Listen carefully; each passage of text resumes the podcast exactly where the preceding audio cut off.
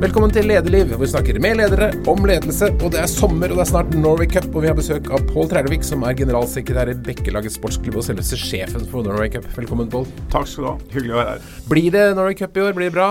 Det blir bra. Vi har hatt venteliste i døra og fortsatt mennesker som håper at de skal få komme med. Og vi har en problemstilling både med å få folk til å overnatte nok, altså nok skoler og tilgang til overnattingskapasitet, og så er det en begrensning i antall baner vi faktisk talt har tilgjengelig. Hvor stort blir det? Nei, Vi blir eh, størrelsesorden 1850 lag. Og det er klart vi skal spille på 80 baner, 500 dommere, eh, 30 000 deltakere. 5500 kamper, så det er jo på en måte et gigantformat av et arrangement. Så dette er svært, og takket være veldig stor grad av frivillige i klubben og de medarrangørklubbene vi har med oss, som stiller opp og gjør dette mulig. Som selv i et år der frivilligheten har trangere kår enn vi hadde før covid, så må jeg si at jeg er veldig stolt av det vi skal presentere, og hvordan byen tar oss imot, og hvordan vi kommer til å fargelegge hele byen. Mm. Det er veldig gøy. Har, har covid endret eh, Norway Cup på noen måte? Ja, det er klart To år avlysning gjør jo at du mister to generasjoner av frivillighet som ikke har lært seg at dette er en del av formatet til Bekkelaget sportsklubb og for Rusta og alle de andre samarbeidsklubbene vi har. Så det er jo én bit av det. Og så er det nok litt sånn i denne sommeren at nå tenker folk at nå har vi sittet måtte, hjemme på berget og holdt fast i alt og, og, prøvd å spare penger og alle disse andre tingene som det preges litt av. Og så sier man i år skal vi virkelig unne oss noe. Så vil de ut på reise eller finne på noe som på en måte er annerledes enn det de har gjort i hvert fall de to årene, hvor man i hovedsakelig har feriert på en hytte på fjellet eller reist sjø og strand rundt i Norge. Mm. Betyr det at uh, dere også trekker flere utenlandske lag enn tidligere? Ja, vi trekker vi er en 45 nasjoner som deltar. Vi får ikke lag fra Kina og nabolandene rundt. De har jo et paranoid forhold til uh, alt som heter covid, og uansett hvilken betegnelse covid-smitten da har, så er de veldig opptatt av at de slipper verken folk inn eller folk ut. Så, så vi mister noen av de lagene. Så vi er vel en tre-fire-fem nasjoner færre enn vi vanligvis ville vært. Men det kommer jo både fra det afrikanske kontinent og europeiske kontinent, så det er eneste Oseania vi egentlig da mangler. Mm. Er det like stort som det har pleid å være? Ja, arrangementet er kjempesvært. Og det forskjellen fra det vi hadde trodd versus hvordan det er blitt, at vi trodde at det kom til å bli veldig mange syverlag som konsekvens av frafallet i idretten. Altså at de ikke greier å stille på et full elvelag som er 15-16-17 spillere med innbyttere og sånt som du må ha med deg. Men så har vi altså 79 flere elvelag enn vi hadde i 2019, som også var en rekord på elvelag. Slik at det er skal si, fullformatsfotball som blir spilt, da, både hos jenter og gutter. Og vi er et par og 30 jenter. Snittet i norsk idrett som sådan ligger vel på 27, så vi er ganske flinke til å jobbe med å få jentene i aktivitet. Og det er veldig bra, så vi er veldig sånn positivt overrasket. Altså gledesstrålende. Vi besover altså på hotell skråstrek skole. 1000-1500 flere enn vi gjorde i 2019. Så, så, det er veldig mange som kommer, og veldig mange som gleder seg. Og det er jo et gigantisk arrangement med en svær åpningskonsert som da går lørdag den 30. i 7. Så vi også inviterer hele byen. Så vi har digitale boards over hele byen, hvor vi rett og slett inviterer byens befolkning. Kom opp og feir 50 år sammen med oss på Ekebergsletta. Så alle er velkommen? Alle er velkommen, og det er helt gratis og helt åpent. Og vi har mye security og alt sånne ting rundt det, selvfølgelig, som man må ha. Men vi tenker at nei, det er 50 år siden vi startet i 1972. 420 lag, åtte av de var jenter. I dag har vi 1850 lag, og 32% av de er jenter. Så det, det har vært et voldsomt trøkk, en utvikling som er gøy å se tilbake på. Du har vel ikke vært med hele tiden, men, men hvordan var det det startet?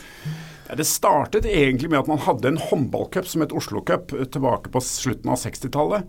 Og så var det i 72 man fant ut vi kan gjøre det som fotball. Så var det et par av medlemmene som da fremmet dette forslaget om de kunne gjøre det. Og så hadde vi da Rigmor Andresen som da var leder i klubben som sa ja, det høres ut som en god idé, kanskje vi skal gjøre det, men da forutsetter jeg at det skal være med jenter. Og dette var jo tre-fire år før Fotballforbundet mm. tok i jenter og fotball. Så gøy. Det var jo tiden da Ingrid Andersen, eller etter hvert Grete, nei, unnskyld, Grete Andersen, og, som ble etter hvert ved Grete Waitz, løp med teipa pupper i mm. Viddarløp og skulle tas ut. ikke sant? Man jakta på jenter som hadde tenkt å bli svette. Mm.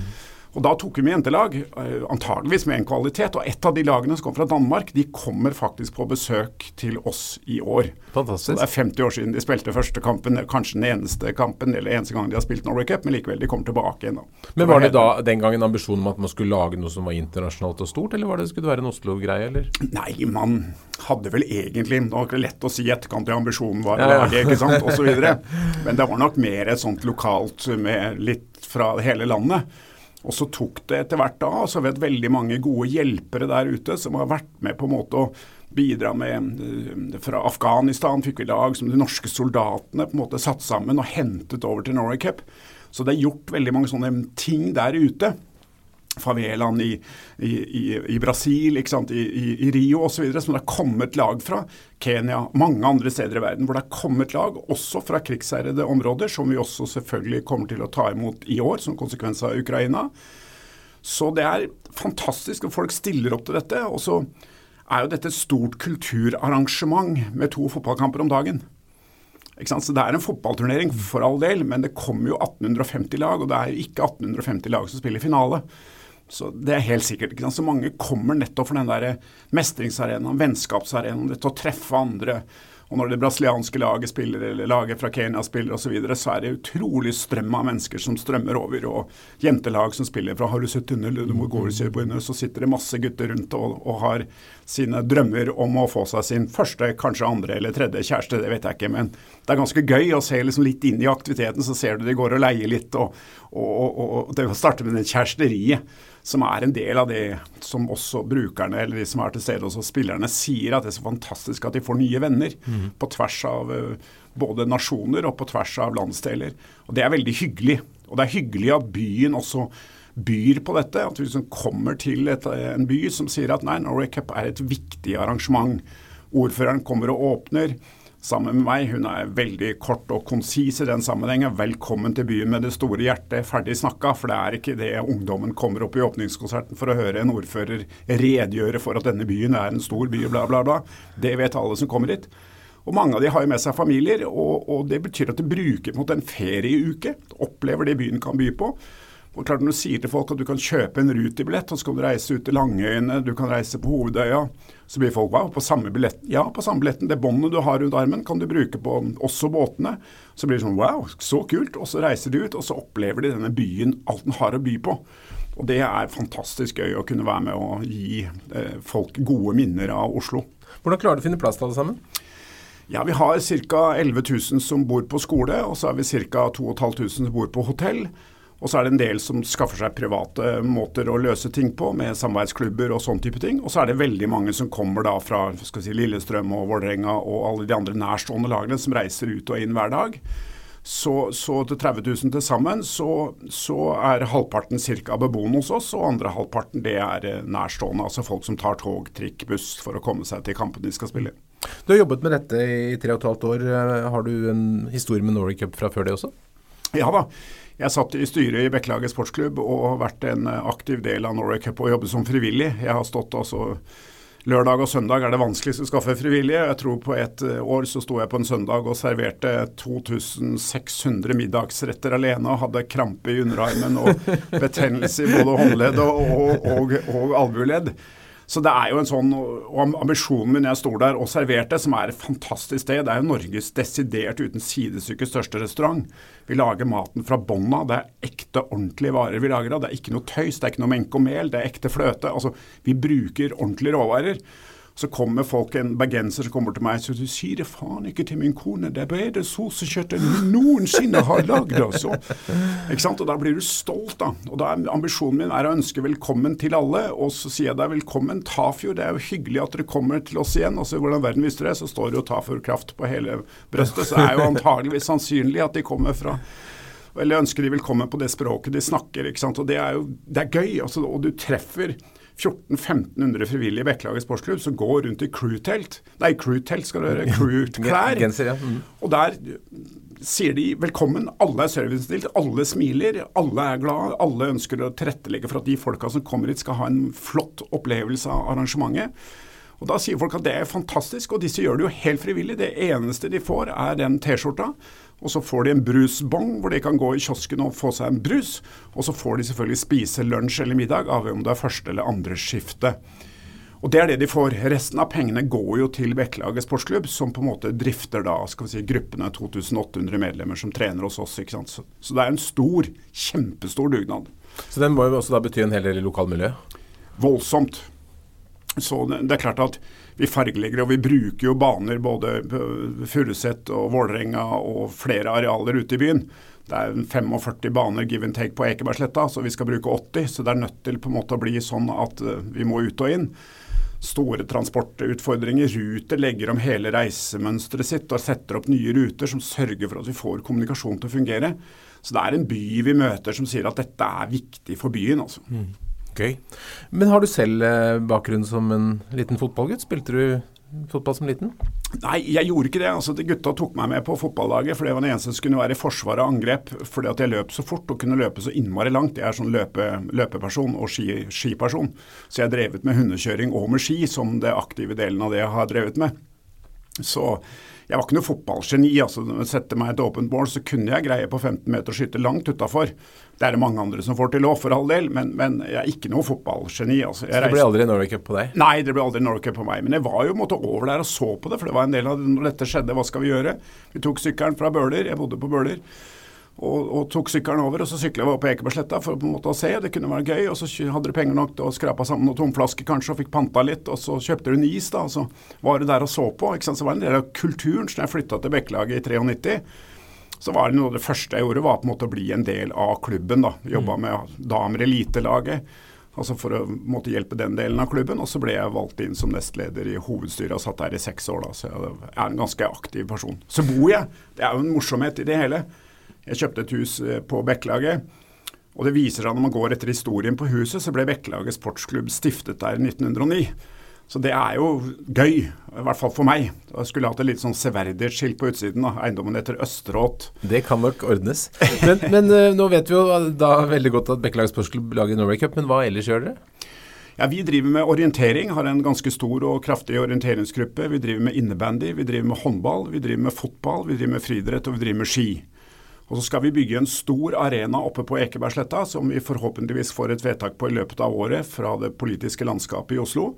Og da vil vi legge på oss til og med turn, cheerleading, dans, kampsport, e-sport. Så da blir vi en klubb med 6500 medlemmer. Så da blir vi en veldig, veldig, veldig stor klubb. Vi vil ha ca. 6000 innetrenende i den hallen på årsbasis, da. Altså individer. Så klart at da blir vi en gigantisk klubb. Og det flotte med det er jo at da har vi større tilfang av frivillige. Og vi kan også se for oss en situasjon som i fremtiden kan være aktuelt, at vi kan drive med også eh, idretter i samme uken. Som høyst sannsynligvis ikke heter Norway Cup, for det er synonymt med fotball, men som kan hete Oslo Cup, som da kan bli håndball, som et eksempel. Og Vi kan også tenke oss rulleski, og vi kan tenke oss orientering og vi kan tenke oss dans. Og vi får jo store arealer tilpasset dette. Så det går an på en måte å bruke den uka for å gjøre det virkelig som en stor hendelse, som NRK har vært veldig flinke med, med Ekstremsportveka og disse tingene. NM i alle disse idrettene vi ikke ante at eksisterte. ikke sant, Fluefiskekasting og, og, skyting og hva nå enn det skulle være. Så plutselig blir det TV-tid. Og vi kan lage noe tilsvarende for ungdom, da, som kan være noe av visjonen da i 26-27 når vi er ferdig med ny hall. Du nevnte e-sport. Er det en ny aktivitet? Ja, og vi tenker mot e-sport eh, som en del av eh, både systematisk trening og e-sporten. Altså, dette er jo en sport som alle vet at i hovedsakelig foregår fra kjellere, hvor det sitter da i hovedsak gutter, men også nå etter hvert flere og flere jenter, som eh, trenger å komme inn i et miljø, både kostholdsteknisk og treningsteknisk. Og jeg tror i framtiden i 26 og 27 at vi også kommer til å ha tilbud som heter bygge hjerne og muskler. Mm. Og så sier folk bygge hjerne og muskler. Ja, det betyr at mandag så får du en hyggelig liten sånn forrett, eller en liten enkelrett, brødskive med en suppe til. Og så er det matematikkundervisning i halvannen time. Og så er det halvannen time muskelbygging. Så du lærer å trene både forsiden og baksiden av kroppen. De fleste som står i speil syns forsiden ser bra ut, og så luter du forover som en skal vi kalle det, en, en, en neandertalsk eh, holdning i kroppen. Så vi kan lære de å trene ordentlig. Fordi at når jeg vokste opp, og du vokste opp, så var det lokalmiljø var det som enten var i menigheta, Der var det mange som var medlem, Det var fullt med ungdom der også osv. Ellers så var det musikkorpset og alt som var rundt det. ikke sant? Eller så var det jo idretten. Og det fanga si, brorparten av de folka som vi vokste opp med. Menighetsarbeidet. Og speideren, da, for min del. Og speideren. ikke sant? Men alle de har jo på en måte liksom litt vikende posisjoner i samfunnet vi lever i. Så idrettsklubbene må, tror jeg, da, for framtiden ta en større rolle og være med på en måte litt i samfunnsutviklingen. Og derav den bygge hjerne, bygge muskler. Mm. Det er en tanke og en måte å gjøre det på som er mottatt godt av både politiske ledelser og av partiene som sier at ja, dette her må vi kanskje tenke på, for vi er nødt til å lage noen langtidsplaner for rollen vi skal spille. Mm. Du er en ledertype, Pål. Du har vært administrerende direktør i veldig mange år i mange forskjellige steder. Hvordan startet det? Når var det du skjønte at du var en leder? Nei, Egentlig startet vel det på barneskolen. For jeg ble stadig utpekt til å være klassens tillitsvalgt. Så jeg ble liksom plukket ut liksom til det. Jeg kunne både snakke, og så hadde jeg en sånn evne til å lytte til de folka som fikk liksom fremme ting vi skulle gjøre. Klasseturer og en i klassen som ikke kunne være med på klassetur, for han hadde ikke råd til det. Så organiserte vi opp en innsamlingsaksjon som han ikke visste om. Så han fikk måtte, reisen sin betalt av klassen. Sparte hver tirsdag sånn spareklubb hvor de ga 10 øre eller 25 øre noe, til den at han skulle få være med på turen. Fikk han ski av meg, eller av familien hos oss. Så jeg kommer derfra. Så når jeg starta som administrerende direktør, så, så, fikk jeg det veldig sånn brått kasta på meg allerede i 89. Og jeg tenker nok at skulle jeg levd en gang til, og det er jo sånn du kan tenke også, det er lett å tenke at da ville jeg gjort annerledes, så kom jeg nok litt til, eh, til eh, at det å være leder, og da en organisasjon 350 ansatte, hvor jeg tror jeg utviklet, eller jeg vet at jeg utviklet en stor grad av um, saksbehandlerkompetanse. Så jeg tenkte det å være leder, det var i seg selv å være best på sakene som du satt i. Og det betydde jo over tid at jeg fikk en inaktiv organisasjon. For de satt jo der og ventet på rapportene, så gadd de ikke å lage rapportene, for det hadde jo jeg lagd.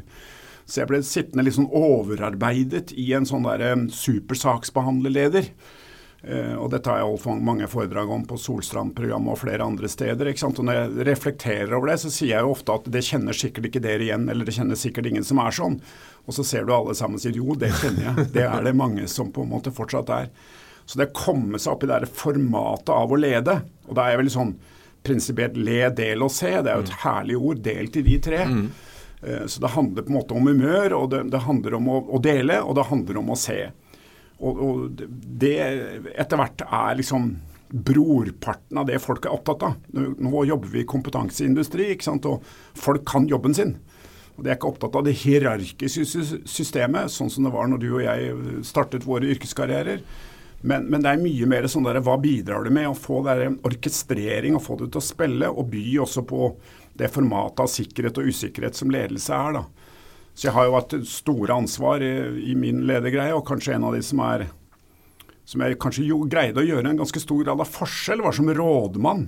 Ja, for du, Nå skal bare lese rekka. Du har vært administrerende direktør i EDB-skolen Næringsakademiet. Du har vært i DNB reklamebyrå, TV Norge, Bates mange år. Tolv år i Bates som reklamebyrågruppe, og så rådmann i Brønnøy kommune før Bekkelaget, da. Og akkurat det, det, jo, det går en ganske sånn en slags, eh, eller ganske tydelig tråd, kanskje ikke helt fra EDB-skolen til reklame, i hvert fall reklame, TV-reklame, men Brønnøy kommune er jo litt sånn annerledes. Hva, hva skjedde der? Jeg, jeg sto og fiska laks i Namsen og, og, hadde god tid, og så ringer telefonen. og Som ofte så tar jeg aldri telefonen når, når jeg fisker, men, men, da hadde jeg en pause. og Så ringte et frem, fremmed telefonnummer, en dame som ringte fra Trondheim. Og så sier hun hei, har du en gård på Torgaten? Ja, sier jeg, familien har det, det er riktig. Den er ikke til salgs, sier jeg. For det ringer jo av til noen som tenker at de kunne tenke seg å kjøpe den. Den er ikke til salgs. Nei, jeg skal ikke kjøpe den heller. Hvorfor ringer du da? Det er en rådmannsjobb i Brønnøysund. Eller Brønnøy kommune. Jaha, sier jeg da. Hva er rådmann? Jeg kommer fra Oslo. Ja, ja. Jeg aner jo ikke hva rollen er. Nei, det er administrerende direktør på en måte i en kommune som du da antageligvis kjenner godt til ved at jeg har feriested der oppe og har en stor gård. Uh, ja, jeg kjenner jo Brønnøy, men hva er dette? Så tenkte jeg ok, snakka jeg med kona, og så sier hun ja, kanskje det er ålreit for deg, og så rett og slett gjøre noe helt annet. Og så gjorde jeg det. Jeg stilte på et intervju i shorts og T-skjorte og, og, og, og, snakket meg på en måte gjennom biten av det. og Fagforbundene var til stede, og ansettelsesutvalg og politisk ledelse, og alle sammen satt der og intervjuet og snakket fram og tilbake. Og så fant de ut at de gjerne ville ha meg, og så fikk jeg et tilbud, og så tenkte jeg ja, hvis jeg kan løse dette med pendlerløsning, slik at jeg kan bo i Oslo, for å flytte min kone som er IT-sjef i Markets rett over gata her i DNB, så ville det være håpløst. Hun har jo ikke noe jobbkarrieremulighet i Brønnøy.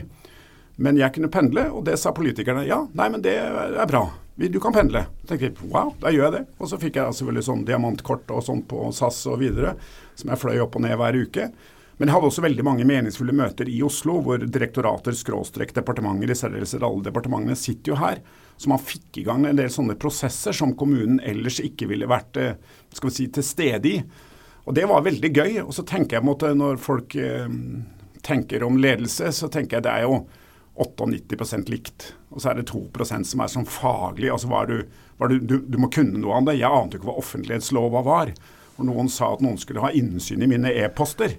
Så tenkte jeg det går jo ikke. Jeg kan ikke ha innsyn i mine e-poster. Og så kommer forklaringen, og så bare OK, jeg skjønner. I rest my case. Jeg må være forsiktig med hvordan jeg håndterer e-postene mine, åpenbart. Så det er klart at det, det, det var gøy å ta fatt i. Og når jeg kom dit, så var det veddemål i kommunen blant ledelsen, og ordføreren var med også. Og vedda på hvor lenge jeg kom til å bli. Og han som tror jeg vedda lengst, han sa to og et halvt år. Eh, og han fikk jo hele potten. Eh, alle hadde gitt 100 kroner i veddemålet. Eh, og Han fikk hele potten, og jeg var der i fem og et halvt. Og sluttet av helt egen fri vilje. Som konsekvens av det fikk spørsmål om å bli da, generalsekretær i Bekkelaget sportsklubb og, Norway Cup. da. For så vidt med mange andre kandidater, men jeg vant fram i den sammenhengen. da. Men sånn, Bortsett fra offentlighetsloven, hva var den største forskjellen på å være i Bates og det å være i Brønnøy kommune? Du kan si Forskjellen er at en kommune har 172 lovpålagte oppgaver, og utdanningsloven er én av de oppgavene. Så det er et utrolig komplisert ledelsesansvar. Det er folk som er opptatt av barnehagen når det er barn i barnehagen. Det øyeblikket barnet slutter i barnehagen og begynner på skolen, så er de bare opptatt av skolen og gir beng i barnehagen. Så det er et voldsomt press. Politikere, sentrale myndigheter, og jeg mener at Norge er i ferd med å lage fire forvaltningsnivåer. Så sier de fleste at det er feil. Det er stat, fylke og kommune. Og så ja, men så kommer direktoratene. Mm. Bare her i Oslo, eller direktoratene eksklusiv eh, Nav, så er det vel ansatt en 22 000-23 000 ansatte. Og veldig mange av disse har et behov for tilgangen til min e-postboks og rapporter fra meg og sant, tilsyn av det ene og søknader om det andre. Slik at det er veldig komplisert. Jeg diskuterte med tidligere Nav-sjef, og så sier jeg jeg har også ansvar for Nav. Og det er bare én liten del av det jeg har ansvar for. Så det er et voldsomt krysspress du står overfor. Og så får du politisk opportunisme, som også preger seg fra Stortinget og helt ned. Så åpenbart er alt vi kan få til. Men det er veldig veldig, veldig vanskelig å få ansvarlighet inn. Er dette styringsdyktig? Mm. Du ser bare på det budsjettet vi har lagt fram nå, så ser man at man har fått det til å gå i hop på en måte. Men alle sammen vet at dette over tid ikke er bærekraftig, som også pensjonssystemet vårt heller ikke er, selv om det er lagt fram en rapport nå som virker fornuftig. Så det er nok noe med det der kompleksiteten av å lede alt fra gutta i grøfta og eh, hjelpepleierne på sykehjemmet til kommunale planfunksjoner og, og sånne type ting. Da. og så er det liksom litt å Kunsten er jo å forenkle det. For det er så komplisert at hvis du blir sittende i kompleksiteten, så blir du jo sittende på kontoret ditt og, og nær sagt jobbe med kompleksiteten. Så ledelse er jo ute hos folka, ute og treffer dem. ikke sant? Klart når Jeg kom med en historie, altså Jeg jobba som gutta i grøfta. Jeg har vært vaktmester, jeg har vært vaskehjelp, jeg jobba på Ullevål sykehus, jeg jobba på Langerud sykehjem. Så jeg har liksom måtte vært borti veldig mange av de tangeringspunktene hos de folka som var skal si, lavest på rangstigen, da, som man så under pandemien at man faktisk var dramatisk avhengig av. For det uten søppeltømmere så ville søpla hopa seg opp osv. Så, videre. så jeg jobba i veldig mange av disse funksjonene, og jeg kunne by på de historiene hvor de faktisk så at jeg hadde et stort hjerte for, for kommunen og for liksom det å få dette samfunnet til å fungere. Og Jeg starta i min aller første tale til når politisk ledelse var til stede og alle de ansatte på rådhuset var der. Så sier jeg på en måte at jeg kommer ikke til å bry meg om innbyggerne i min ledelse i det hele tatt. Og ordføreren gikk da og tenkte nei, nei, nei. Hvorfor sa du ikke dette i ansettelsesintervjuet, så hadde vi aldri ansatt deg. Og så sa jeg jeg tror at det man gjør, man hopper over de som skal gjøre jobben. Så går man rett til innbyggerne. Da sitter jeg også i å lagre krysspress for mm. dere. Mm. Så hvis jeg er opptatt av å tilrettelegge så dere kan få gjort jobben deres, så blir det gode tjenester til innbyggeren. Og Det er klart det er alltid en diskusjon. Noen mener at den veien skulle ha vært feid, eller den veien skulle ha vært måka. Det er en sånn som du aldri kommer unna. Jeg kjører alltid tidlig om morgenen. Hvorfor måkes du naboveien før veien min? For kan ikke det bare gjøres om? Og så hvis du gjør det om, så kommer klagen fra andre siden. Så man er veldig sånn opptatt av, åpenbart, som vi i mindre grad tangerer i Oslo, Men dette er jo en kommune med 8000 innbyggere, så det er mye tettere på liksom, kommunelivet. Og du lærer å leve i en situasjon hvor alle, og da lager jeg anførselstegn på det, ikke sant? altså alle kjenner deg igjen. Så du går i butikken eller går på Vinmonopolet og sånne greier, så vet alle at nå er rådmannen inne. Og da kjøper du ikke en kassevin, da kjøper du to. ikke sant. Så, Men Ble du akseptert da som sånn hytteeier som kommer inn der og skal begynne å bestemme? Ja, jeg heter Trælvik, og Trælvik-navnet kommer fra Brønnøy. Og når de måte, så alle var, eller Mange har vært ute og sett på huset vårt, og sånt, som er et fantastisk gårdsbygning.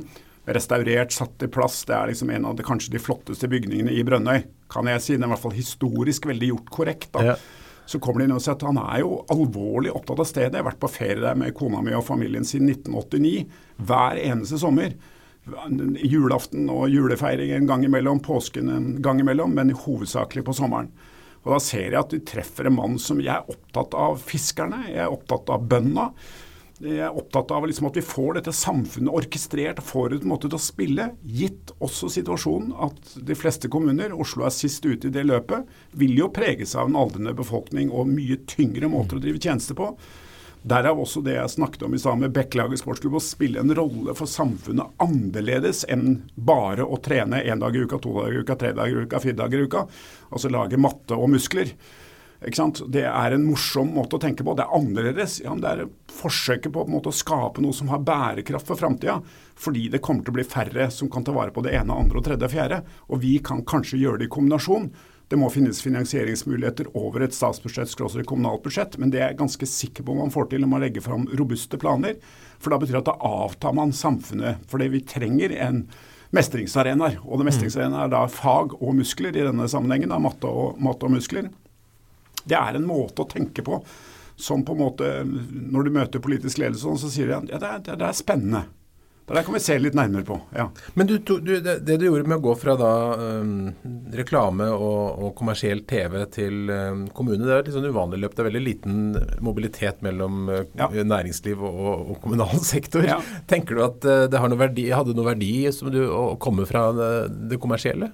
Ja, det hadde det. Altså, jeg var jo mye mer opptatt av resultatet. Mm. Ikke sant? Altså, jeg var jo mye mer opptatt av det her må gjøre ferdig. Og det er ikke sånn vi skal se når vi kan gjøre det når innbyggeren kommer inn og har lyst til å bygge seg en ny hytte eller en garasje eller hva nå enn du skulle gjøre, eller oppdrettsselskapene kommer inn og ønsker å utvide lokasjoner og andre typer næringsaktiviteter, så mener jeg at vi skal ha en seriøs forhåndskonferanse. og Det betyr at vi har satt oss inn i saken, vi diskuterer det ekte og ordentlig. Det er ikke saksbehandling i et møte, men vi informerer om hva som er reguleringsteknisk utfordrende og prosessen osv. Og så går si, innbyggeren, om det er næring eller om det er privatpersoner, hjem med en større grad av kompetanse, slik at når de kommer tilbake med spørsmålet, så er det innenfor rammen av det vi kan tro at kan bli godkjent. Eh, det er ikke dermed sagt at det blir det, men, men, men det er i hvert fall nærmere. Istedenfor at du får den derre Nei, du, vi har mottatt søknaden din, vi får se når du får svar. Det blir jo folk forbanna for. Da sier jeg deg mellom 10. og 20. august får du svar. Og Da får du det i post hvis du vil ha det, eller så får du det på din digitale postkasse hvis du ønsker å få det, det hvis du har det. Og Da blir folk sånn kjempebra, og så får de det på den datoen. Og da blir folk sånn wow, i all verden. Jeg pleier jo alltid å bli utsatt. Og jeg tenker at Det syns jeg ikke vi fortjener heller. For at de folka som da jobber dit, plan- og bygningsetaten i Oslo er vel det stedet hvor 40% av de ansatte slutter i løpet av et år. Det er jo ikke bærekraftig. så Du må gå inn i det systemet og se det på en annen måte. Ok, Så betyr det at det er en omstillingsprosess du må gjennom. Du må få til andre måter å tenke og drive på. For de får jo evig kjeft. Når jeg jobber med Oslo kommune, som jeg gjør i dette byggeprosjektet, så er det veldig gøy å møte disse etatene ute i systemet hvor jeg sier at jeg har vært rådmann. Og så får folk sånn Oi, da setter de stolen litt nærmere meg, for da vet i hvert fall det er én de ikke kommer til å få kjeft av. For jeg skjønner at mm. kompleksiteten er stor. Plan- og bygningsloven er en særdeles komplisert lovverk. Og alle mener at de har rett til å gjøre. ikke sant? Og det er en stor demokratiseringslov i tillegg. Altså Vil du ikke ha utviklet et område, så stem på et annet parti altså, som står for at de ikke vil utvikle området, og så blir det ikke utviklet. Så, så, det er noe i den biten der som gjør at, uh, at det jeg tok med meg, og Kristin Skogen Lund sa det også på et sted hvor jeg også holdt foredrag, og sa at Den der overgangen der mellom privat og offentlig, sånn som min jobb er, burde man gjort i mye større grad enn det man gjør i dag. På hvilken måte endret det din, eller påvirket din oppfatning i offentlig sektor? Ja, Du får et mye mer reflektert forhold til kompleksiteten. og Det høres ut som en sånn der eh, unnskyldning for at man ikke rekker å gjøre alt. Men, men det er innmari komplekst. ikke sant? Og jeg sitter liksom med noen sentrale elementer i byen her da, som skriver en rapport til deg sant, om at du må svare på noe som du ikke har svart på. A-melding, B-melding, C-melding, D-melding, eller hva nå enn alt sammen heter. Som kommer inn i e-postboksen min, og den var jo fylt med 800 e-poster i uken eller noe sånt noe. Og så var det spørsmål om hva er viktigst, og det å selektere og ta bort det som ikke er viktig. Og så stiller jeg spørsmål til saksbehandleren, som da ringer meg til slutt, som har ansvaret for en kolonne i en rapportering i Statistisk sentralbyrå. Viktig, for all del, men for meg ikke det viktigste. Så spør jeg da er det fengselsstraff for å ikke levere dette. Nei, nei, det er ikke, nei, nei, vi opererer ikke med fengselsstraff. Fint, da får du det når jeg får tid. Og da blir Det sånn, det går ikke an å svare sånn. Hvordan skal jeg ellers svart? Skal jeg skyve de andre oppgavene som er viktige? Barnehageutvikling, restrukturering av kommuner, terskelverdier, system altså Det som er faktisk betydningsfullt, de kan jeg ikke legge til side fordi jeg skal rapportere til en A- eller B- eller C-melding et eller annet sted. Og det tror jeg folk hos meg også så. Jøss, han er jo en pragmatiker. Jeg er en pragmatiker. Jeg sover ganske godt om natta. Uh, har veldig sjelden med meg som jobben din, og det jeg får gjort, det får jeg gjort. Flink å systematisere og si at jeg gjør dette. Og så er jeg, var jeg antageligvis opplevd som en god kommunikatør til kommunestyret, som de begge kommunestyrene jeg hadde var utsatt for, uh, sa at jeg var preget av. Og så var det én ting til som også er viktig, at ledelsen min det er en stor ledelse i en 730 ansatte, så blir det en stor ledelse også. De var helt sikre på at de sto alltid bak ryggen min. Så Det betyr at når det storma på det verste, mm. være sånn det var sykehjem eller endringer på det ene eller andre tredje, skoleavvik eller hva det var, så visste de at de kunne stille seg bak ryggen min, så sto mm. jeg foran. Mm. For det er bare én kommunestyre kjenner, og det er rådmannen. Og Det var nok en stor overraskelse også for kommunestyret, som hadde liksom vant til å gå liksom litt inn i virksomhetsområdene. Det har dere altså ikke tillatelse til. Kommuneloven forbyr det faktisk. Det er bare én dere kjenner er rådmann. Og da må du tørre å stå i den ordentlige vinden, ikke sant. Hvor det virkelig blåser, hvor de ønsker å ta deg, og si at da er det bare én måte å ta meg på. Det er å gi meg en oppsigelse. Og den høyst sannsynligvis usaklig, som den i 90% av tilfellene er slik at du kommer i et erstatningsmessig situasjon. Dit ønsker ikke dere at jeg skal ende, og jeg ønsker heller ikke å ende i det. Så vi må tørre å snakke med hverandre. Og I begynnelsen, de første seks, syv, åtte månedene, så ble det mye sånn høy, høye samtaler på ordførerens kontor, hvor til og med folk fra kontoret i kommunen der, folk kan høre gjennom veggene her, for det er liksom, dere snakker så høyt. Og Da måtte jeg rydde i de greiene. Altså, nei, det er mitt ansvar. Og Det betyr også at de folka mine i vanskelige situasjoner turte å gi meg all informasjonen barnevernssaker, altså mm. problematiske saker. Både er jeg selvfølgelig belagt av taushet i en sånn sammenheng, og som jeg også sa til dem, der, når jeg vet alt, så vet jeg hva jeg ikke kan si. Når jeg ikke vet alt, så kan jeg risikere å si noe avvik på legetjenesten mm. mm. som har gått ut på Dagsrevyen, ikke sant, som har fått, blitt en feilbehandling eller ikke, ikke fått melding osv., som det er et helsetilsyn og alt som skal inn og se i så er det viktig i en sånn sammenheng at du må holde hodet kaldt. For du kan ikke og bør aldri skjære halsen av de som gjør jobben. For det eneste du da oppnår, det er at de blir borte. Og leger kan jo jobbe hvor de vil, som alle vet. Så du er nødt til på en måte å stelle dem bak deg og si at dette skal vi se på, dette tar vi selvfølgelig på det største alvor. Men vi kan ikke fortelle om hva den pasienten har vært utsatt for. Og i de helsetilsynssakene så var det veldig få av de som vant frem som sådan. Da blir det sett på objektive myndigheter under statsforvalteren. Var det vanskeligere å lede Brønnøy kommune enn å lede TV Norge? Eh, ja, ja, ja. Eh, det var noe for kompleksiteten var større. Det morsomme i TV Norge, når man skal snakke om sånn personlige elementer i dette, var at når du kom i et middagsselskap og folk ikke hadde møtt deg før, ikke sant? og så ble det hva gjør du? Jeg er TV-sjef. Mm. Det var det fire av i Norge. Rådmenn er en i hver eneste kommune, ikke? Så, så det er mer en sånn hverdagslig type jobb. da. Så det er klart at det var nok mer interesse rundt det å være TV-sjef. Jeg satte Big Brother første versjonen på lufta, mm. og var jo etter hvert eh, Norges mest ettersøkte mann. ikke sant? Fordi vi hadde sponsorer som bl.a. leverte madrasser til huset, og en stakkar markedssjef i en herværende madrassleverandør fikk jo daudsjokk når TV 2 satt med en reportasjebil på vei ut av han for å gjøre et intervju, og så bare ringte de og si at det sponsoratet gikk ut i går, så det har ikke du noe uttalelse om, og be dem ringe meg. Så jeg var jo på debatter på NRK, debatter på TV 2 og masse litt, hvor alle mente at dette er helt moralsk forkastelig, som Beatlemania-greie. Det går ikke an at ungdommen står og skriker på en stol og hører på musikk. Litt det samme, mm. ikke sant. Og så skrev vel Giæver i avslutningen sin etter at Norway Cup Nei, unnskyld, ikke Norway Cup, men at, at Big, Brother. Big, Brother. var ferdigstilt. At uh, Trellevik hadde rett. Dette endrer TV-verden. Åpenbart det gjør det. Og det var slettes ikke så farlig. Det var faktisk særdeles interessant. Og det var det. Eh, så, så, Hvilket år var det? 2001. Ja. Det har skjedd noe på de 20 årene? Det har skjedd noe på de 20 årene, det har det. det, har det. Eh, hvordan har du forandret deg som leder fra du da startet med ledelse på, helt på slutten av 80-tallet til nå?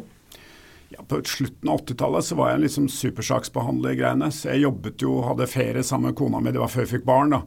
Og kjørte hver dag ned til sjøhuset vi har oppe på gården vår. Og der fikk jeg kontakt med mobilnettet. Og så Hver tirsdag og hver fredag så var det innrapportering av tall og størrelser og alle mulige andre greier. Jeg hadde satt med notatbok og skrev ned og summerte det opp i et dokument i etterkant. Det var før e-posten hadde kommet. Eh, så, så, det er klart at det ville jeg ikke gjort i dag. I dag ville jeg måtte sagt at vet du hva, jeg har fortjent tre uker ro, fred, mm. hente batteriene, komme meg nedpå. Og få liksom sovet ut og, og nær seg våkne om morgenen både med og uten hodepine. Og, og, gå en lang tur i skogen, alle disse andre typer tingene. Så jeg er nok flinkere til på en måte at jeg er en del av dette, men jeg orkestrerer. Men, men, men jeg er blitt flinkere til å se at kompleksiteten er større enn jeg kan løse den selv. Så jeg starta liksom litt med tanken om at jeg kunne løse oppgavene selv. Så du skjønte at du ikke skal være alt? Jeg skjønte at jeg ikke skal være alt. Og det er klart det andre som er en viktig del av det som også var i begynnelsen, var liksom litt at jeg tenkte at eh, det, det, det å bli elsket? Altså det på en måte bli satt pris på, lagt merke til osv. Jeg husker jeg fikk en telefon fra en herværende bedriftsleder i et stort teleselskap. Og så var spørsmålet om det kunne komme og holde et foredrag som var ganske uklart definert. Uh, og jeg svarte jo selvfølgelig at jeg skal se om jeg har noen folk som kan gjøre det. Og så sier han at nei, nei, nei, det er du som gjør det. Jeg, hm, jeg ble varm i trøya. ikke sant? Jeg ble liksom en format av en sånn oh, wow, etterspurt. Mm. ikke sant? Litt sånn jakten på at pappa skulle synes at jeg spilte godt da jeg spilte piano.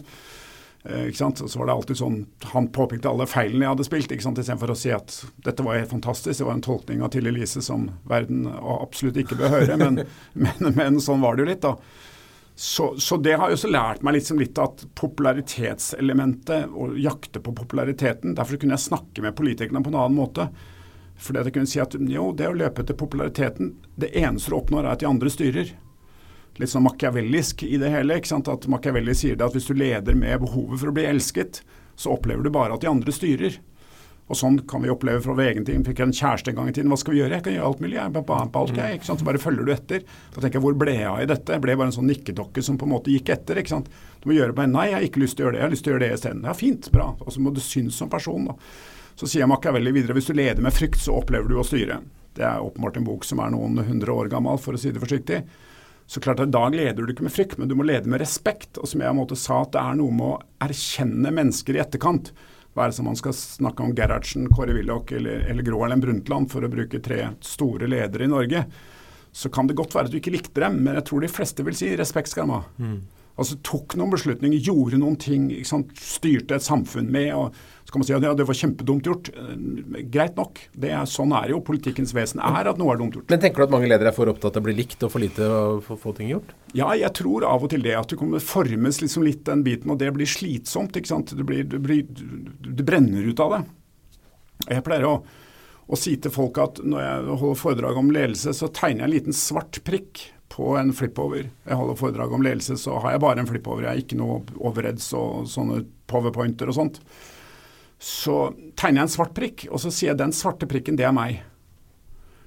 Ikke sant? Så inni der så er hele meg. Og så sier engelskmennene 'the secret about being a bore'. Altså hvis du virkelig skal være kjedelig, så skal du fortelle alt. Mm. Ikke sant? Så det betyr at det er ting i den svarte prikken som folk ikke vet om, eller som, ikke vet, som en knapt nok også selv vet om. Men det er en svart prikk. Og så rundt den tegner jeg en stor sirkel. Og Det er rollen. Sirkelen er rollen, inni der er det meg.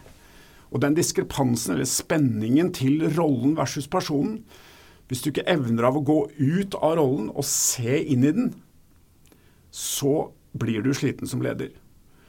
Og Da betyr det at eh, når jeg da var opptatt av å bli elsket, så blir du på en måte rollen. Altså Jeg blir spurt etter Nei, du skal ha Pål Trellvik som skal gjøre det, for det er veldig bra. så det er kjempebra. Ikke sant? Så blir det sånn, å, det blir meg. Du blir rollen. Hva skal du da gå ut av? Men Hvordan gjør man det? Hvordan går man ut av rollen og ser inn i den?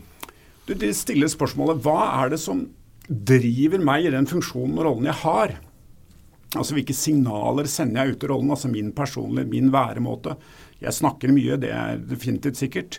Det tror de fleste som har evaluert meg i etterkant, eller alle mine referanser i noen tidene, har alltid sagt. Han snakker mye. Ja, det gjør jeg. Punktum. Jeg kommer fra en snakkeglad familie. Eh, så, sånn er det. Men altså, du sender noen signaler ut i den, og så er rollen på en måte signaler som sendes inn igjen til deg. Og så er det en måte å avklare hva er det de forventningene er. Slik at du kan, Når du går på utsiden og titter inn i den, så ser du på en måte deg selv, altså hvilke press du utsettes for. da. Og det, det krever å bli litt mer voksen. Som har vært uten noen stormnetter og vært uten noen sånne situasjoner hvor du gjør egen refleksjon.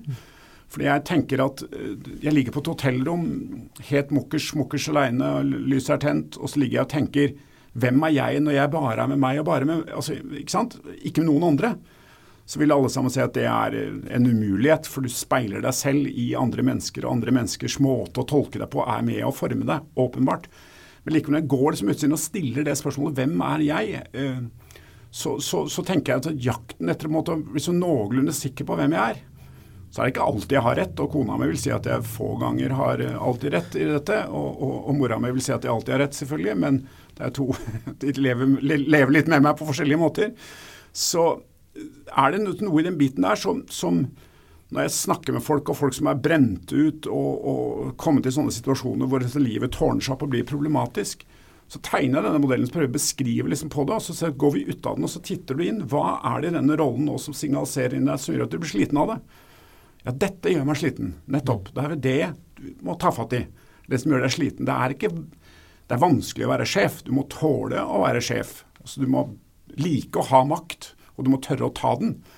Eh, men det er ikke dermed sagt at du bare kan leve etter et sånn gestapistisk mønster. Gjør dette ferdig, og så er det gjennomført. Det er ikke sånn det er. I dag er samarbeidskonstellasjonene og måten å ta med seg folk på en reise og Det tror jeg jeg strålte ut når jeg kom til Brønnøy. Jeg tror også strålte det når jeg var i Bates, og, og jeg strålte det mindre ut i Næringsakademiet, EDB-skoletiden. Da ble jeg mer en sånn løpe etter, og alt, ble, alt ble viktig. Og da tårner det seg opp et stort dokumentmengde på siden av pulten din som du vet at du skulle ha gjort. Mm. Og så rekker du det ikke. ikke sant? Så går du og legger an kvelden. 'Jeg skulle gjort det og det og det og det.' og det, ikke sant? Fordi du ikke har delegert, fordi du ikke har stolt på at andre kan gjøre en delegering etter mitt hode. Det er liksom å å gi folk ansvaret for en oppgave, og godta at de gjør det på sin måte. Ikke sant? Så det er litt sånn fasen at det må gjøres på min måte. Tabellene måtte se på en måte like ut. Det var jo åpenbart praktisk. Men det hadde ikke noe betydning. Hvis tallet var 11, så spiller det ingen rolle hvordan det kom fra til 11. Bare 11 var riktig. Men jeg etterkalkulerte jeg fant det var 10,8. ikke sant? Og Da tenkte folk at da gidder jeg ikke å rapportere mer, for det, du regner jo på det uansett. da. Men er det noen spesielle opplevelser underveis som har formet lederskapet ditt, tenker du? Bort, det høres ut som Brønnøy har gjort det i noen grad. Ja da, Men for all andre del. hendelser? Ja, altså jeg, jeg, kom til en situasjon i mitt liv etter å ha satt Big Brother på lufta. Den siste dagen, eller dagen før Big Brother-huset ble løst opp og uh, Lars Joakim ble vinner, hvor hele Fornebu var full av mennesker for å se hvem som kom ut og hvem som kom til å vinne. Det var flere som stemte ved den siste avstemningen som stemmer ved kommune- og fylkestings- og nasjonale valg i Norge. Unike personer. Så Lars Joakim vant med klar margin og kommer ut av det huset. Dagen før så hadde jeg besluttet at jeg ikke ville produsere Temptation Island. Og det er klart, det å ta en beslutning når Robert Murdoch i samarbeid med min sjef Harry Sloan hadde bestemt at jeg skulle lage i Norge, og jeg sa at det gjør jeg ikke, så ble det et helvete på jord. Så jeg fikk jo sparken direkte på, NRK, nei, på TV 2-nyhetene klokken fire minutter, fem minutter over ni nest viktigste nyhet den dagen, uten at jeg visste det. Og dagen, Samme kvelden så var min hage i huset jeg holdt på å ta opp løvetann i hagen og gikk rundt i lopsete bukse og en sliten uh, sweatshirt som det sto TV Norge på. Uh, og så, så, sier kona mi at på, på andre siden av huset så er det begynt å bli mye folk nå.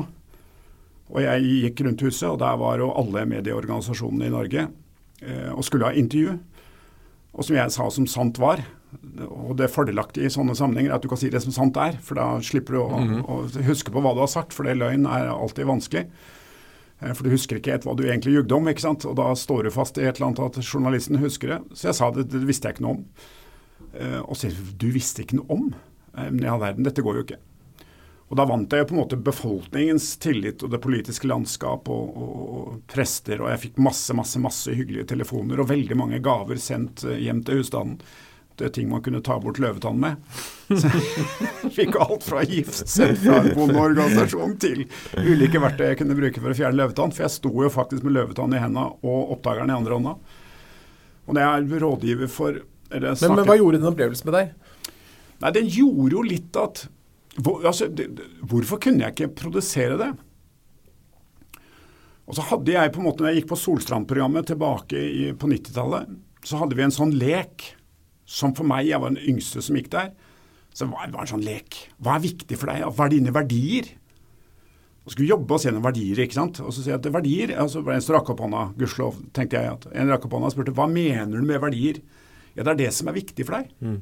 Det kan være viktig for deg å gå tur i skogen osv. Eh, gå og lufte hunden, ikke sant? delta i Rotary altså, Det kan være masse ting som er viktig for deg. Og så vil jeg at dere skal skrive ned det som er viktig for deg. Og så var det en som rakk opp Nei, det kom ikke ennå, skal vente, han rekker på hånda om litt. Og så tenkte jeg dette er jo VM i verdier, så jeg er jævlig god på å være kreativ. Så jeg hadde jo fire av fire sider med verdier. Én på hver linje. Og så fikk jeg beskjed om at alle sammen beskjed om at du skal ta ut de ti viktigste. Og jeg tenkte faen, det, var dumt. Ja, OK, jeg får gjøre den jobben, da. Og skrive det opp på pappark. Sånn A5-størrelse pappark hvor du skulle skrive verdiene dine. Og så fikk du ut da ti, som du skal ha i hånda di. Mm. ikke sant? Og skulle du sortere de 1, 2, 3, 4, 5, 6, 7, 8, 9, 10. Hvor 10 er det minst viktige, og 1 er det viktigste. Og så er det en som rekker opp hånda. ikke sant? Og så sier jeg må familien stå på toppen? Og så sier hun konsulenten, som heter Jennybeth Ekeland, Nei, hva som står på toppen, det er helt opp til deg. Dette er dine verdier. Dette er ikke samfunnets krav til deg. Dette er dine verdier. Og du så på han sa å, gudskjelov. Da kunne familien stå som nummer to, og så kunne måtte jobben stå som nummer én. da.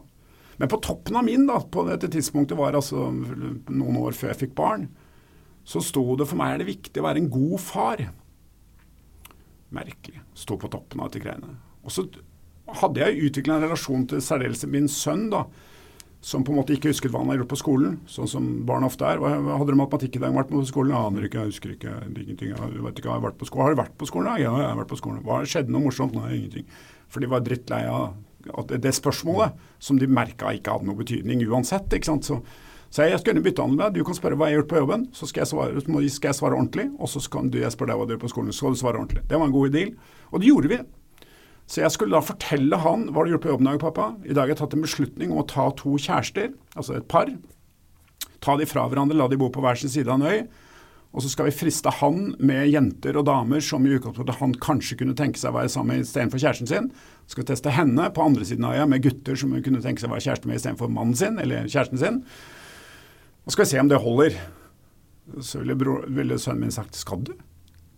Hvorfor, det? Så det ble en rettesnor for deg? Det ble en rettesnor. Og når jeg i utgangspunktet da brukte den rettesnoren for det eh, Jeg vet at Pål T. Jørgensen og andre ville jo ha knekt meg i en sånn debatt om at det skulle gjøres, for det var jo åpenbart voldsom interesse rundt mm. dette. Eh, så tenkte jeg at nei, vet du hva, jeg skal stå fram helt, ikke stykkevis og delt. Jeg måtte stole på det som er betydningsfullt inni meg. Og det var en, to, en skjellsettende greie, for den hadde dramatiske konsekvenser. Og når jeg fant det ut, så var det for jeg rydda i kjelleren. Og så rant alle disse papparkene ut av en sånn plastlomme som sto i disse mappene fra Solsand-programmet.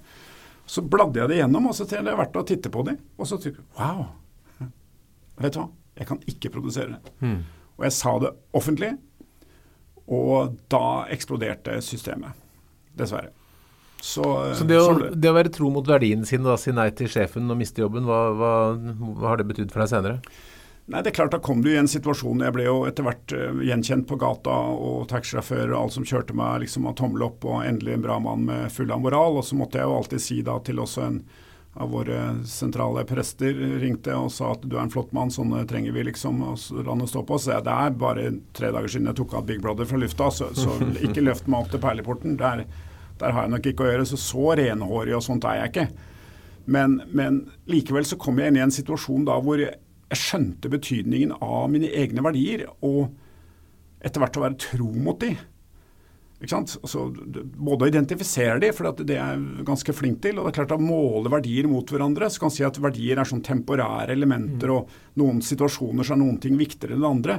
Ja, åpenbart når du kommer nedover i hierarkiet, så er det sånn. Men når du kommer i toppen, så er det noe som hva som driver deg fra innsida. Da. Mm. Og det er det jeg prøver å tegne denne modellen med meg i midten, den svarte lille prikken. Hva er det i denne prikken som faktisk har betydning for mitt liv? Og Når det livet skal leves som leder, så må du ha med deg livet. Du kan ikke bare være leder, du må, være, du må ha med deg livet inni det, den eh, svarte prikken, da, for å mm. bruke denne måten å, å, si det på. Men når du nå leder Norway Cup og skal ha dette fantastisk store arrangementet, er det, bruker du eh, verdier aktivt i lederskap for å få det til å bli et bra arrangement? Ja, gjør det. Gjør det. Og det er liksom Hos oss er det glede, kameratskapselementet og det å orkestrere opp alle disse som kommer. Det er en stor oppmerksomhet rundt arrangementet, medieteknisk og på andre måter. Det hender vi har avvik av en eller annen karakter. Jeg har også sagt da i utgangspunktet i min organisasjon at eh, når det gjelder media og mediehåndtering, så er jeg den personen som gjør det. For da vet jeg hva jeg har sagt, slik at det blir sammenheng i disse historiene. Og de gangene hvor det skal skje morsomme ting, og visse folk bader når det er altfor varmt, og dusjen som står på osv., så, så er det åpenbart at resten av organisasjonen min har personer som vil kle sånne roller bedre enn meg. Jeg er en voksen mann, 63 år gammel, så det er klart det grenser for liksom hvor gøy det er å se på en generalsekretær som løper inn i en vanndusj for å kjøle seg ned, for det er veldig varmt. Så tenker jeg mot litt at det, det, vi skal preges av når vi undersøker dette, som vi gjør uh, hvert år da, når folk er ferdige, så hva er vi er preget av? Det er den derre serviceinnstillingen, den derre blidheten, den der imøtekommenheten. Og Da jobber du med frivillige som bruker en del av ferien sin. ikke sant? Altså 1400-1500 mennesker i Bekkelaget sportsklubb bruker en del av ferien sin eller har begynt å jobbe, jobbe halve dager eller tre kvarte dager, og så kommer de og jobber i bespisning eller i kiosk eller hvor enn de jobber hen. Så skal komme den derre gleden. Og den tror jeg vi greier å spre, selv om akkurat nå i organisasjonen hos meg, så er jo himmel og jord i bevegelse. For nå mangler vi det, og vi har ikke orden på det, og vi mangler der også. Ikke sant? Så det er masse ting som skal orkestreres og settes sammen. Uh, og der sier jeg til folk at uh, døra mi er åpen alltid. Det er bare å komme eller slå en telefon eller en e-post. Så setter vi oss ned og diskuterer hvordan løser vi dette. Akkurat for arrangementet i år så har det vanskelige vært at vi har vært vanskelig for vaktmannskaper og frivillige som på en måte kan stille opp. Det preges jo hele Frivillighets-Norge av. Så Bekkelaget sportsklubb greier å orkestrere de oppgavene som vi vanligvis har gjort. Og det er takket være at folk har vært veldig sånn ja, OK, jeg blir med i år igjen. Mange av, er, mange av disse er jo gjengangere. Eh, og det er noe med, som jeg elsker å si, da, at dette samfunnet som vi har bygget i Norge, som vi alle sammen setter pris på, hva er den viktigste verdien? Altså jeg kommer til at jeg tenker at det er å vise omsorg også for folk vi ikke kjenner. Og det er jo Norway Cup et utrolig godt eksempel på. Der kommer det folk fra hele verden og fra hele Norge. Og så møter de folk nesten som de kjenner dem. Men vi har omsorg for dem, selv om vi ikke kjenner dem. Og Det tror jeg er en så viktig verdi at det er vi nødt til å hegne om. Så jeg skal ha en samtale med deler av regjeringsapparatet rundt dette. For vi er nødt til å sette dette mye synligere og tydeligere på en dagsorden. Og det betyr ikke å lage et direktorat for frivillige. Det er i utgangspunktet å tilrettelegge politikken på en sånn måte at det å være frivillig er i seg selv en verdi som samfunnet kan bygge på. For får vi til det, så blir vi i Norge. Hvis vi mister den biten av det, så ligner vi ikke lenger på det landet vi faktisk talt er i. Og det spiller ingen rolle hvilket land du kommer fra. For vi har mange med ulik kulturell bakgrunn som jobber frivillig hos oss. Og jeg vet at min bror som satte i gang Bjørndal idrettsforening, også får til det samme. Så det er bare på en måte å orkestrere og fortelle folk at det er sånn vi gjør det hos oss. En verdi er jo hvordan gjør, det, gjør vi det hos oss? ikke sant? Og vi gjør det sånn. Å ja, men det kan jeg gjøre. Det er gøy. ja. Til slutt, Pål, hvis det kommer en ung person til deg og, og skal bli leder, tenker øh, kanskje lede Norway Cup eller noe stort, hva er de tre viktigste lederrådene vi gir? Ja, Det viktigste er den uh, lede LC. Altså vær opptatt av folka dine. Mm. Det er mm. det som er betydningsfullt. Det er vanskelige situasjoner, vanskelige samtaler, ting du kan grue deg for som det går an å forberede seg godt på å gjøre på en systematisk og ordentlig måte, så må du forstå virksomhetens sjel. Jeg tror ikke på sånne Kenning-teorier. At ledelse er ledelse er ledelse, ledelse. Du kan drive med hva som helst. Du er nødt til på en måte, forstå kjerneverdien i det du skal lede. Det er en stor forskjell på å være TV-sjef og være rådmann. Så du må forstå liksom hva rollen din på en måte er. Og så må du i utgangspunktet evne av å systematisere det arbeidet du skal gjøre. For veldig mange av de jeg treffer, har veldig mye på pulten. Veldig mange oppgaver, veldig mange ting som skulle vært gjort. Det stresser deg. Jeg er lean thinking devops-orientert. Så jeg er opptatt av å ta en oppgave, så gjør den ferdig. Hvis noen ber meg skrive en leder til en, et eller annet vi skal ha i Norway Cup-sammenheng, så skriver jeg den med en gang. Sånn, send, ferdig. Så er den ute av livet. Så det ligger ikke sånne 16 oppgaver som jeg har med meg i senga om kvelden. For det blir bare stress. Jeg gjør de ferdig. Gjør oppgaven én gang og gjør den ferdig. Det tror jeg er en drømmetilværelse for veldig mange. Pål Trælvik, lykke til med Norway Cup, og tusen takk for godt lederliv. Takk, takk. Takk for at du hører på Lederliv, som er en podkast fra Apeland. Redaksjonen består av Ingrid Hagneland, Lars Golden, Lars Jarle Melum og Ole Kristian Apeland, som er meg. Vi er takknemlige for alle gode tips om ledere eller andre kommentarer og innspill. Kan sendes til meg, ole.apeland.no.